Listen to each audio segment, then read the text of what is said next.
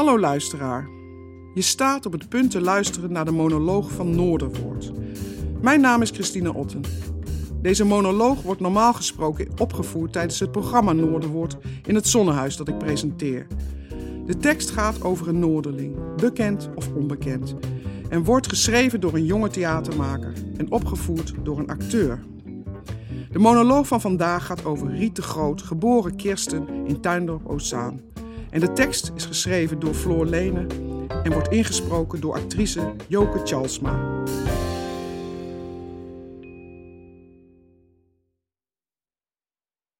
Tien minuten. U wil dat ik u de oorlog vertel in tien minuten. Oh, god, ja. Nou, dat is niet heel veel tijd. Ik kan het proberen natuurlijk, alleen, ja, tien minuten, het is wat krap. Want de oorlog die duurde jaren.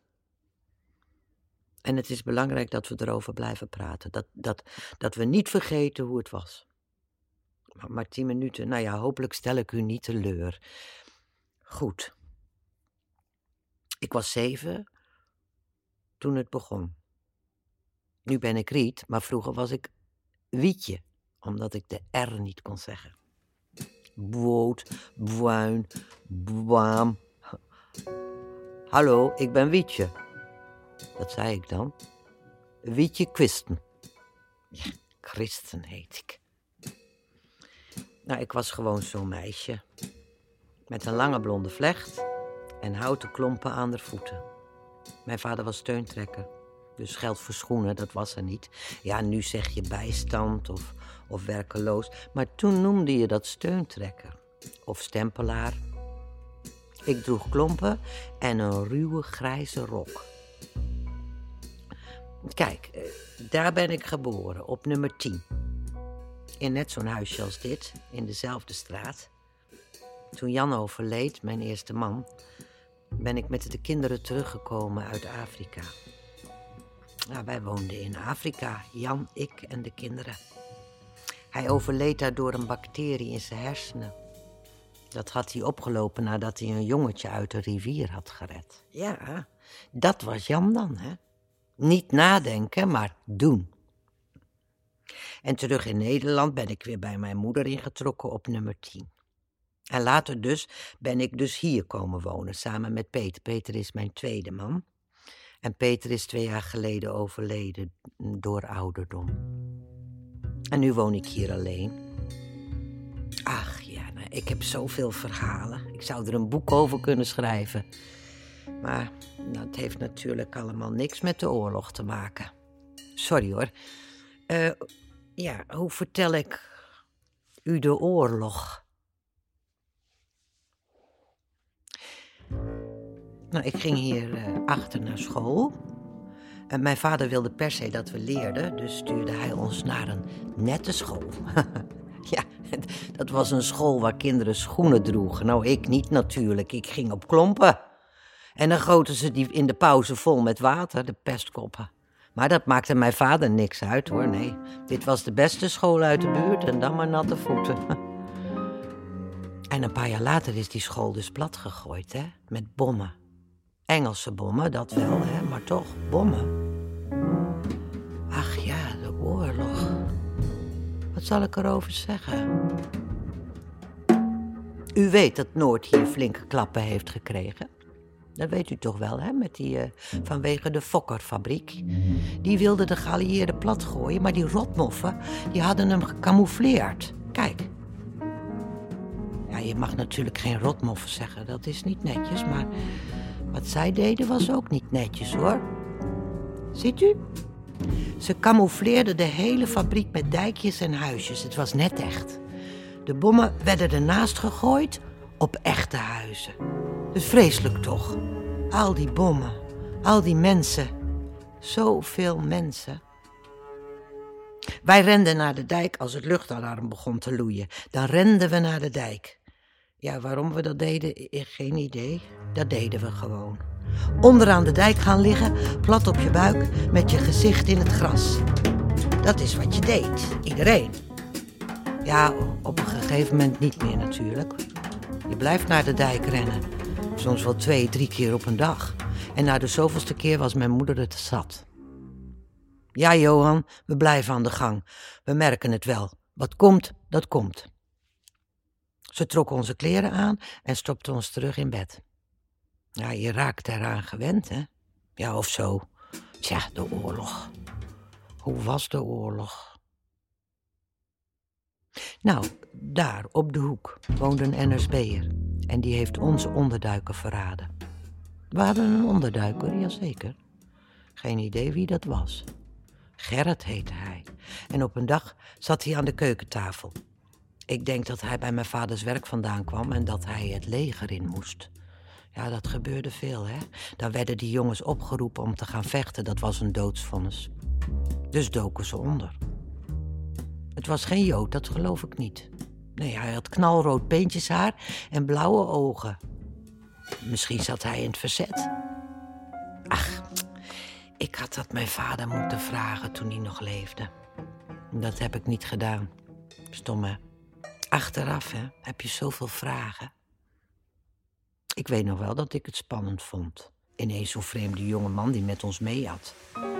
Ik durfde niks te zeggen, ik keek alleen maar stiekem hoe hij zijn aardappelen prakte of zijn soep naar binnen slurpte. En als hij klaar was met eten, liet hij altijd een boer. Zo'n ingehouden boertje, alsof hij hem inslikte. Oeh, dat vond ik heel vies. Hij is maar een paar dagen gebleven, geloof ik. Ja, of een paar weken. Ik durf dat niet met zekerheid te zeggen. Suffe. En op een nacht kwamen ze binnengestormd vanuit het niets. Die Duitsers. Die rotduitsers. Het ging allemaal zo snel. Mijn zus en ik lagen in bed en werden wakker omdat ze met felle zaklampen in onze ogen schenen. We moesten in onze nachthemden mee naar beneden. In de huiskamer stonden onze ouders. Mijn moeder stond met ons jongere broertje Jacob tegen zich aangedrukt, want hij huilde. Duitsers die schreeuwden tegen mijn vader en namen hem mee. Ik heb dus geen idee waar Gerrit die nacht is gebleven. Mijn zus zegt dat ze hem in de achtertuin over de schutting heeft zien springen. Nou, ik weet het niet. Ik was vooral bezorgd over mijn vader. Waar hij heen was gebracht. En of hij nog terug zou komen. Mijn moeder zei niks. Als ze al bang was, nou, dan uh, liet ze dat niet merken. Na een paar dagen ging de deur open en was mijn vader weer thuis. Ik kreeg een aai over mijn bol. Oh, en dat was het. Alsof er niets gebeurd was. Er werd ook niets gezegd. Helemaal niets. Nou ja, behalve dan dat het Schorum was, die NSB'er op de hoek. Schorum! Schorum! Mijn vader die siste dat zachtjes. Vies, vuil, Schorum! Die SS'ers die waren zo slecht. Ze zetten mensen op een rijtje en schoten ze door het hoofd. Zomaar. Ze schoten ze gewoon door het hoofd, midden op straat. U wilt weten hoe dat was, hè? Nou, zo was het. Ze schoten mensen dood. Die moffen. Als ik Duits hoor, dan gaan mijn armharen overeind staan. Ik kan er niets aan doen. Ik haat die taal.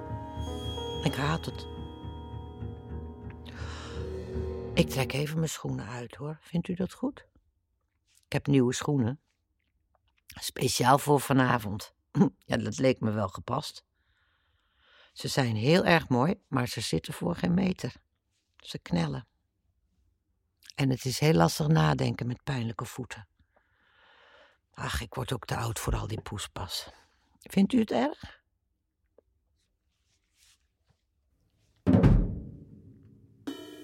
Ik heb u nog niet echt iets verteld, of wel? Nou ja, we hadden natuurlijk vreselijke honger. Nou, dat zal u niet verbazen. Hè. Op het einde was er helemaal niets meer. Mijn zus Agnes en ik liepen naar de boeren. Ons broertje Jacob bleef thuis op ons wachten. Hij was te zwak om mee te gaan. Wij liepen dwars door de sneeuw. We zakten tot onze knieën weg. En de boeren jaagden ons weg als straathonden.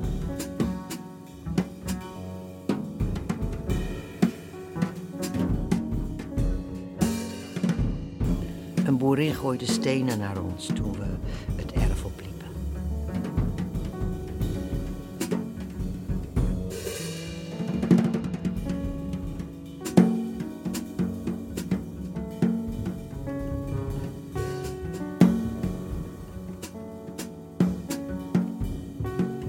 Maar er was één boerderij, en dat vergeet ik nooit meer.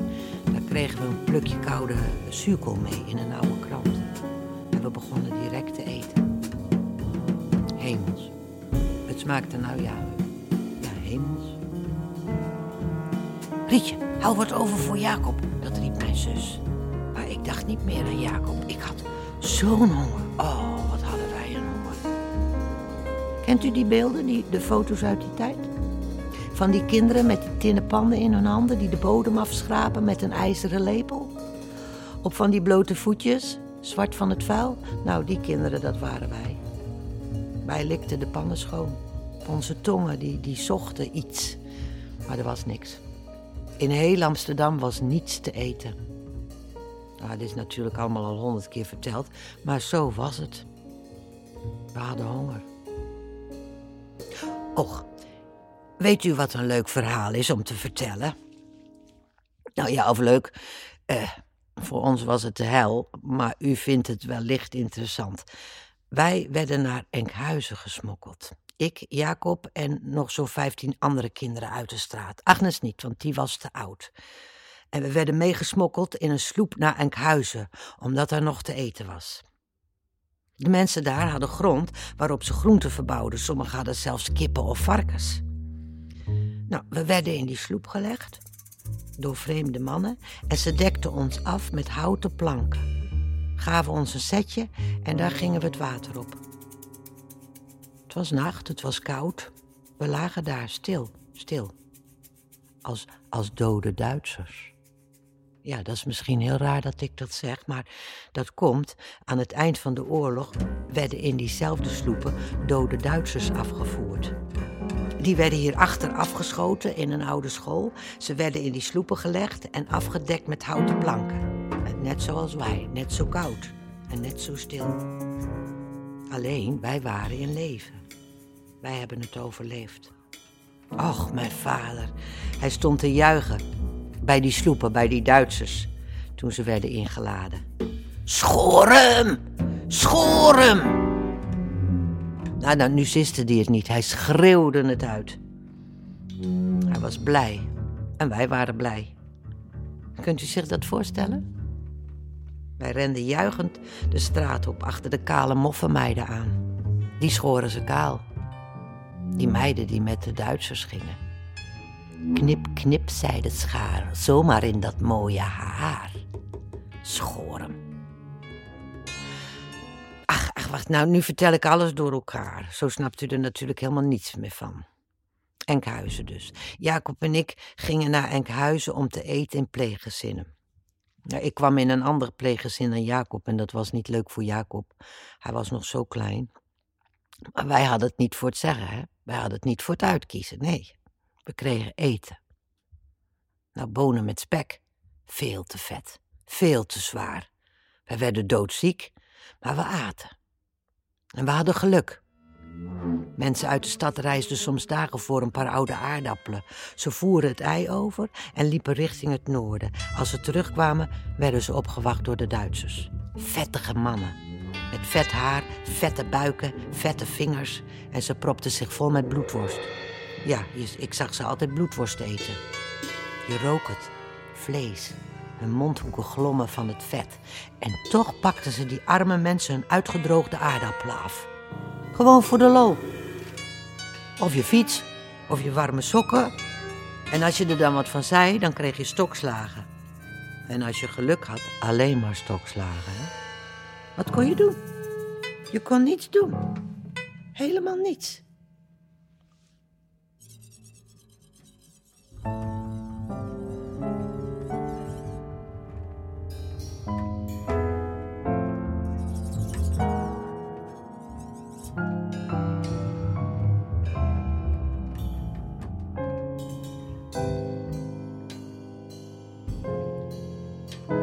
dat ze Simon kwamen halen. Daar heb ik het heel moeilijk mee gehad. Ja, nog steeds eigenlijk. Simon, dat was onze Joodse buurjongen. Zo'n mooie jongen om te zien. Rave zwarte ogen. Altijd vrolijk. En vanuit zijn slaapkamerraam zwaaide hij naar ons. Dan stond hij daar en wij hier en dan zwaaiden we. Agnes was smoor verliefd op hem. Als we in bed lagen, dan uh, fluisterde ze: Rietje, als ik later groot ben, dan trouw ik met hem. Met wie? Met Simon natuurlijk.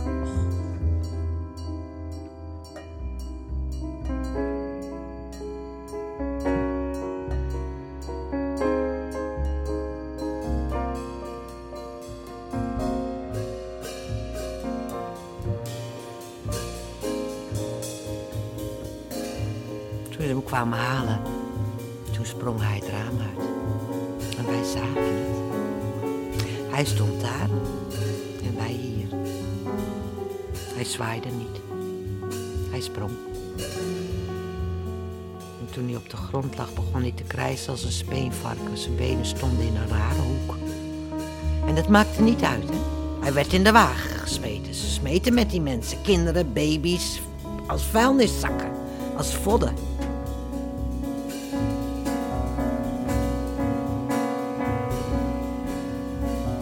Hebben hem nooit meer gezien.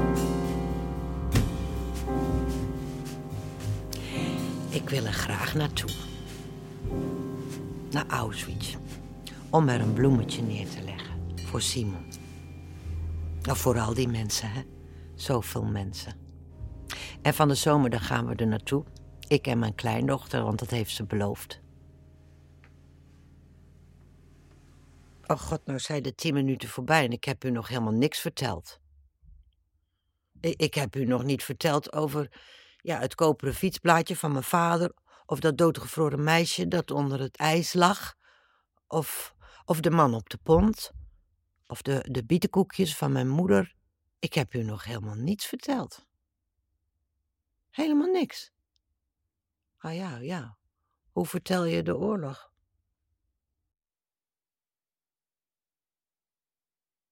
Je luisterde naar de monoloog van Noorderwoord over Riet de Groot Kirsten. De monoloog is geschreven door Floor Lene. Floor Lene is actrice, theatermaakster en toneelschrijfster. Ze is vast verbonden aan het Nieuw Utrechts Toneel. Ze schrijft voor jongeren en volwassenen. Typerend voor haar werk zijn de alledaagse dialogen over grote thema's. De monoloog is ingesproken door actrice Joke Tjalsma. Zij is een geliefde verschijning in de Nederlandse theaters. Daarna speelde ze in films en series, waaronder Wild Romance, Nienke, De Gelukkige Huisvrouw en Gooise Vrouwen. De muziek is gemaakt door onze huisband van Noorderwoord, Trio Lampen. Zij combineren jazz, improvisatie, pop en rock. De audioproductie is in handen van muzikant, audio-engineer en producer Jasper Schonewille. Benieuwd naar meer audio van de Sla? Abonneer je op het kanaal Slaakcast, te vinden in je favoriete podcast-app. Tot de volgende Noorderwoord, gewoon weer in het Zonnehuis.